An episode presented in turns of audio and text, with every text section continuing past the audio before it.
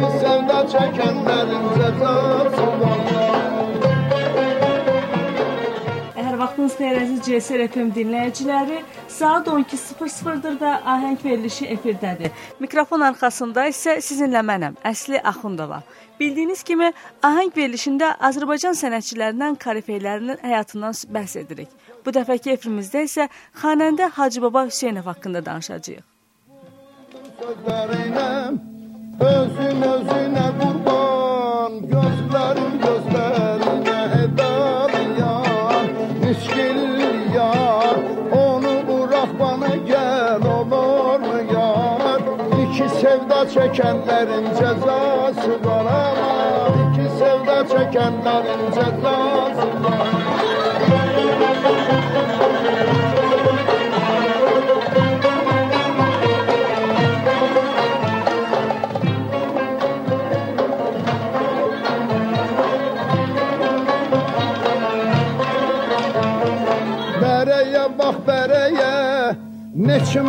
Baxdın dərəyə? Bərəyə bax bərəyə, neçin baxdın dərəyə? Babamın parası yox, məni yerlədim edal yar, dil dil yar, onu burax bana gəl, olur mu yar? İki sevda çəkənlərin cəzası var aman, iki sevda çəkənlərin cəzası var. İki sevda çəkənlərin cəzası var aman, iki sevda çəkənlərin cəzası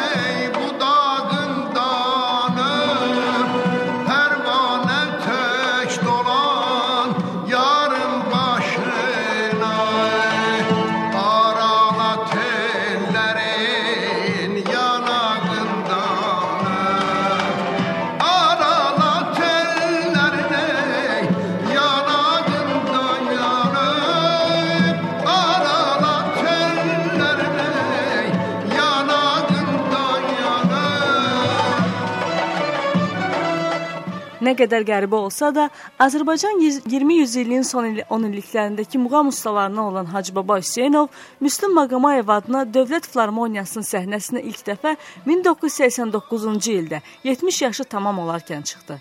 Layiq olduğu əsl şöhrətə və diqqətə də sənətkar elə həmin yuvarlaq ildönümündən sonra çatdı. Qısa zaman içində əməkdar və xalq artisti fəxri adlarına layiq görüldü. Ömründə Azərbaycandan qırağa çıxmamış sənətçi İranda, İraqda, Fransada konsertlər verdi.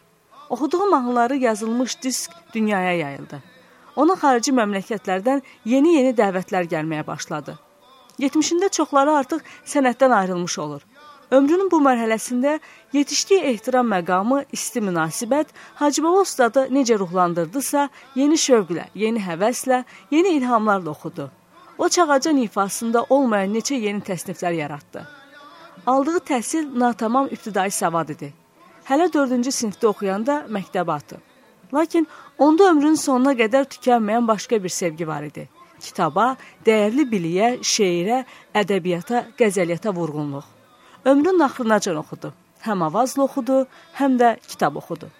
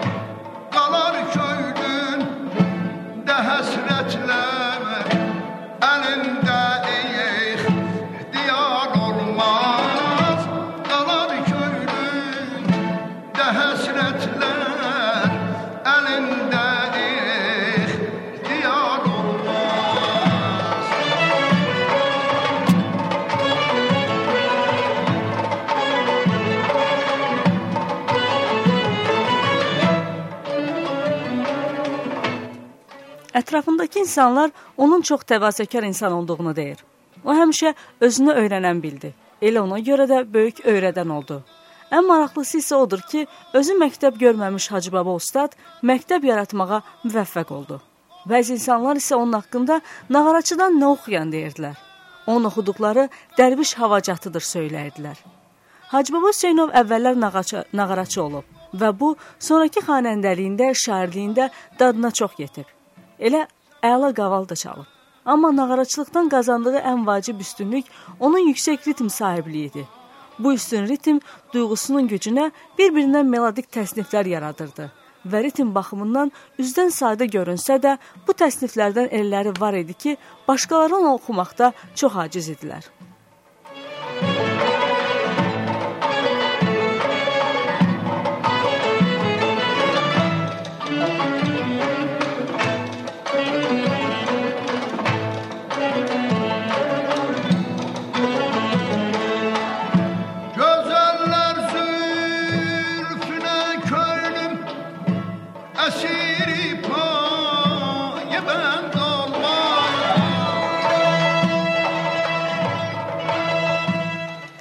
Vaqiflinin ona bağışladığı ikinci üstünlük əruzun bəhirlərindən, təfilələrindən xəbərsiz ola-ola elə həmin vəzinlərin qulaq yaddaşındakı dəqiq əks-sədasına əsasən heyranedici şeirlər qələmə alması idi. Əruzşünas Əkrəm Cəfər Hacıbabanın qəzəllərində, müxəmməslərində, müstəzadlarında bir zərrəcə əruz xətası yox idi deyirdi. Divar olmaz, həzərdir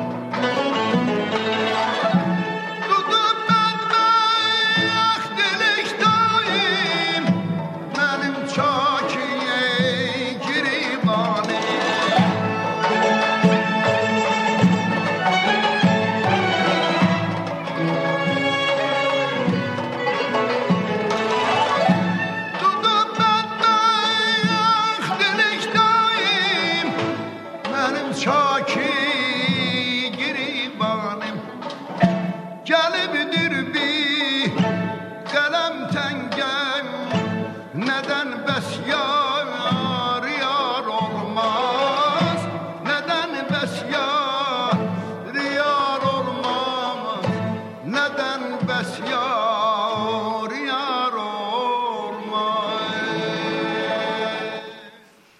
15 mart 1919-cu ildə Bakının indi izi tozu da qalmayan qədim Çəmərbənd məhəlləsində anadan olub. Ruhani ailədə böyüyüb. Lap körpəlikdən mərsiyəxanaları, dərvişləri dinləyib.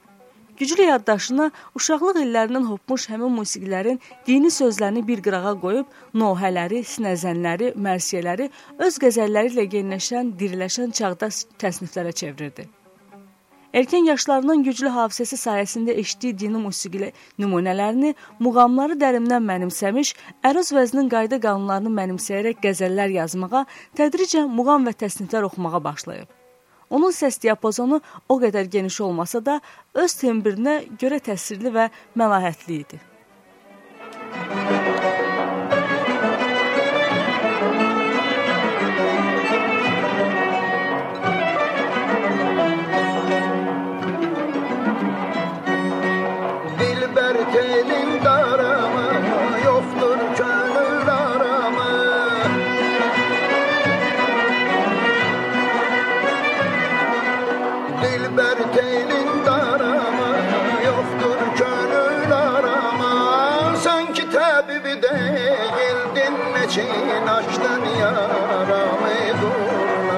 Sen haralırsan sorma Ben buralarda durmam. Gedediysen aslan yarım Gelsinem üstte durmam. Gedediysen aslan yarım Gelsinem üstte durmam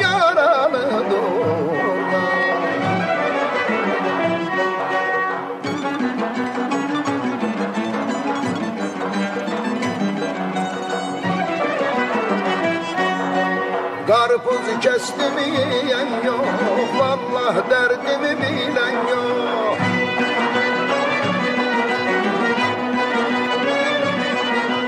Karpuz kestim yiyen yok Vallah derdimi bilen yok. Yarın menden barışıp gözün aydın diyen yoktur. Sen haralısan sorma Ben buralarda durmam Gedemisen aslan yarım gel sinem üstte durulam Gedemisen aslan yarım gel sinem üstte durulam Yaramı dur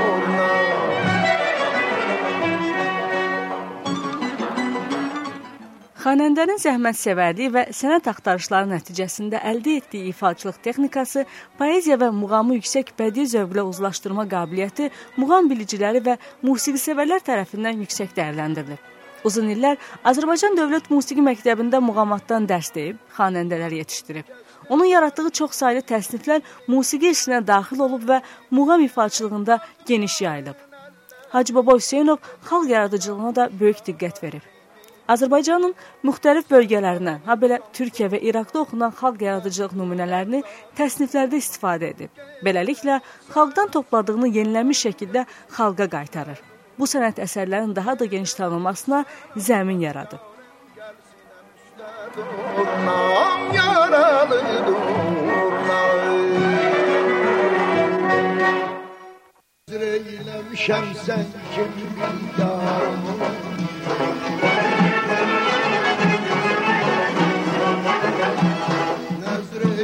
düşersen kim tutar mı? Öpüm yanağından benim canım Öpüm yanağından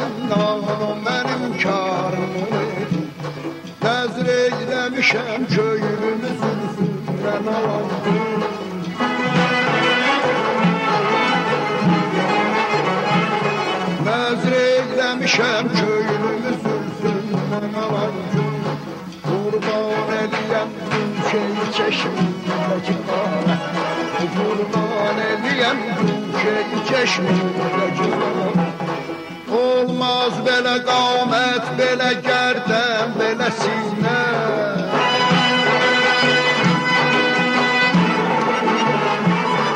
Olmaz belə qamət, belə gərdəm, belə sinə Bəh, bəh, nə deyim şükür xudanın kərəminə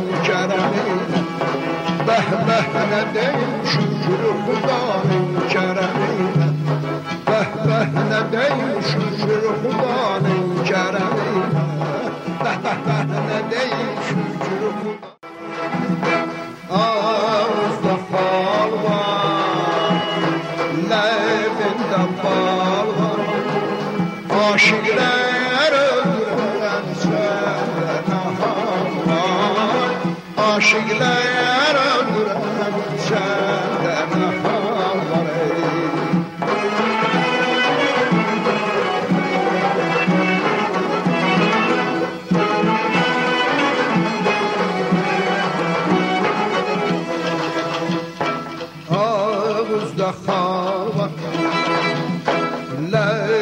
Ağuzda bal var. Ağuzda bal var Lerlerinde bal var? Aşıklar ömrem senden ahallar Aşıklar ömrem senden ahallar Hacbaba'nın vətəndən kənarda ilk səfər etdiyi şəhər Kərbəla olub. Söyləyirlər ki, ustad sənətkar həmin səfərdən çox-çox illər qabaq elə bircə İmam Hüseynin qəbrini ziyarət edib, o müqəddəsin ayaqları altında yatan Füzuli babamla görüşsəydim, heç dərdim olmazdı deyirmiş. Xanəndə İraq səfərinin ardınca Türkiyə, Fransa, İsveçrə, İsveçrə, Hollandiya, Belçika və İrana da səfərlər etdi. Bütün bunlar sənətkarın keçmişdən sonrakı həyatının 3 il ərzində baş verib. Daha sonra isə il yarım qalırdı son səfərə. Və bu il yarımda xanəndə artıq ayağını kənara atası halda değildi. Xərçəng öz işini görürdü. Afət can cananam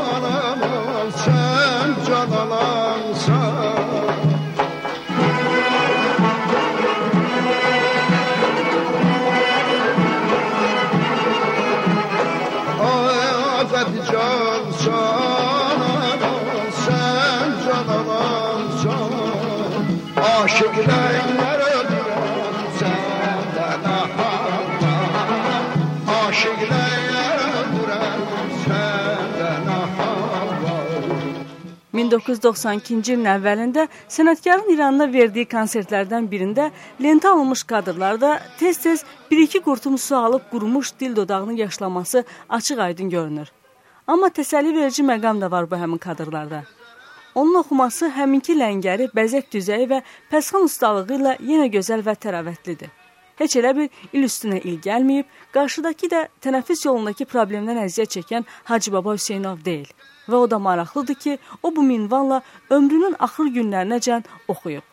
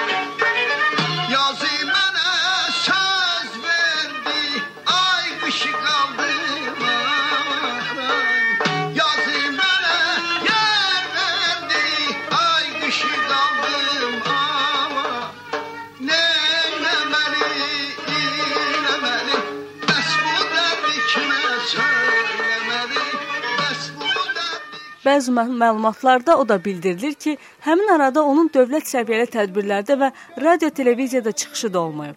Hacıbaba müəllimi son aylarda demək olar ki, yalnız Bakı kəndlərindəki toylarda görə biliblər. O toylarda ki, xanəndə 40 ildən artıq çalıb çağırmışdı. Neçə-neçə ustadlar görmüşdü. Mütəllim Mütəllimovun, Yaqub Məmmədovun ifasına vurulub, Seyid Şunskinin tilsiminə düşmüşdü. Zülfü Adgəzalovun yanığı və ustalığına, Xan Şunskinin təkrarsız şirin səsinə heyran qalmışdı. Bu böyük ustadın yetişməsində Əhməd Bak Bakıxanovun, Cahangir Cahangirovun, Bəhram Mənsurovun, Əhsən Dadaşovun, Sara Qədimovanın və başqalarının əməyini qeyd etmək gərəkdir. Ümumiyyətlə, Bəxt Ailə Sarıdan Hacıbaba Hüseynovunki gətirmişdi desək, yanılmarıq. Doğrudur, o uşaqlıqdan böyük ailələrini saxlamaq üçün çiynini ağır yük altına verib. Əvvəl-əvvəl pudluq daşlardan yapışıb və vaxtından qabaq böyüyüb. Sonra isə Paris Kommunası adına zavodda tornatçı işləyib. Ateşim var külüm yok Bülbül oldum külüm yok Ben de eşke Pembe eşkey düşeli yavdama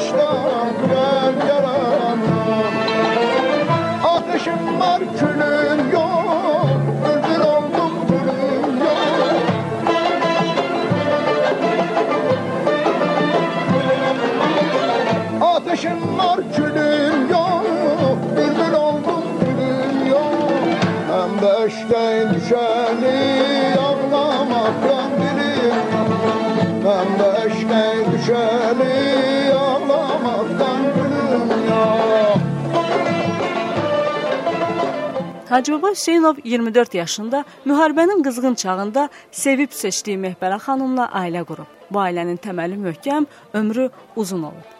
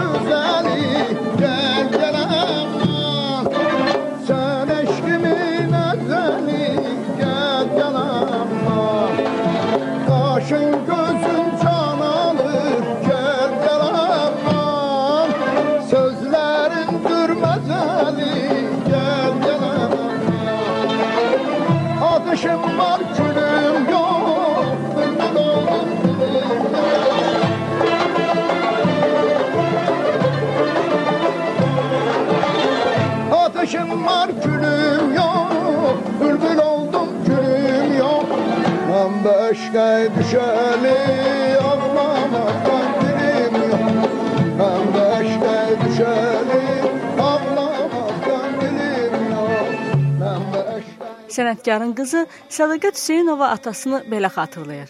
Ağa ağır taxta zabitəli kişi idi. Bir sözü iki olmazdı. Nə evdə, nə də kənarda. Xasiyyəti elə idi ki, hər adam evimizə ayaq basa bilməzdi. Söhbət sənət adamlarından gedirdi. Deyərdi ki, tam dürüst insan dost tapmaq çətindir. Bu dünya etibarsızlarla doludur. Təsəvvür edin, qoca vaxtında belə evimizə gələn tələbələrin, sənət dostlarının qarşısına çay çörəyi anam yox, mən qoyardım. Bazar dükan və sair işlərdə nə mən, nə də anam çöl bayır tanımamışıq. Heç orta məktəbi axıracan oxumağa da qoymadı ki, qız uşağı evdə otursa yaxşıdır. Sonra da tez ailə qurdum. Bir sənət peşə seçməyə vaxt tapmadım. Ölümdən qorxmurdu. Hər an əcəlin yetişəcəyini hazır idi. Deyəndə ki, ayağa, Allah eləməsin, sənə bir şey olsa biz nə elərik? Gülə-gülə qayıdırdı ki, necə yəni Allah eləməsin? Elə o qurban olduğum eləyir də. Üstəlik hamı özünü fikirləşir. Heç gör məni düşünən var deməklə zarafatından da qalmırdı. Ağanın 300-dən artıq qəzəli müxəmməsi yadigardır. İndiyəcən bir cəciyi belə çap olunmayıb. Amma onların xeylisi hələ sağlığındaykən xanəndələrin dillərinin əzbəri idi. Özü isə yazdıqlarını tək-tük halda oxuyurdu. Ağanın vəsiyyətinə əsasən əlyazmalarının hamısını Rafael Hüseynova vermişik. Çoxları inanmaz. Ağa evdən kənarda gecələməyi sevmədiyindən rayonlardan toy sifarişi götürmürdü. Yalnız ildə bir-iki dəfə Salyana gedirdi. Orada onu məxsusi hörmətlə qarşılayan sevənlər var idi deyə sözlərini yerə salmırdı. Ağa toya üçlüklə 400 manata gedərdi. qara tellər və Aşıq Alının Nə qaldı mahnısını evdə elə gözəl oxuyardı ki, nə deyim. Qızı da babasının yolunu seçdi. Görünür, rəhmətliklərə, babasına və xalam Sara Qədimovaya çəkib. Yerişin, çox baxışın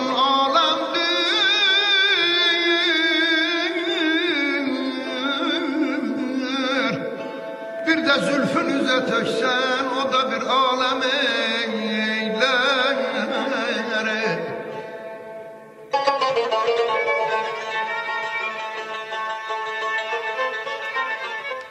Hacıbaba Hüseynovun ustad, böyük sənətkar kimi etiraf olunması, onun ikinci nəfəsinin açılması 70-dən sonrakı dövrünə düşdü. Daha erkən layiq olduqları ondan əsirgənməsəydi, əlbəttə ondan qalan irs indikindən daha qat-qat zəngin olardı. Hər halda o səs daha heç vaxt təkrarlanmadığı kimi unudulmayacaq da. O səs daim bir zövq qaynağı olmaqdan savayı həmişə dərslik müntəxabat kimi unulacaq. Əldə etdiyimiz məlumata görə arzusu idi ki, 75 illiyində çahargah olsun. Ancaq çox təəssüf ki, 75 yaşına çatmadı. Gül açıldı da bahar fəsli bulut şəbnəm eylər. Vahidəm aləm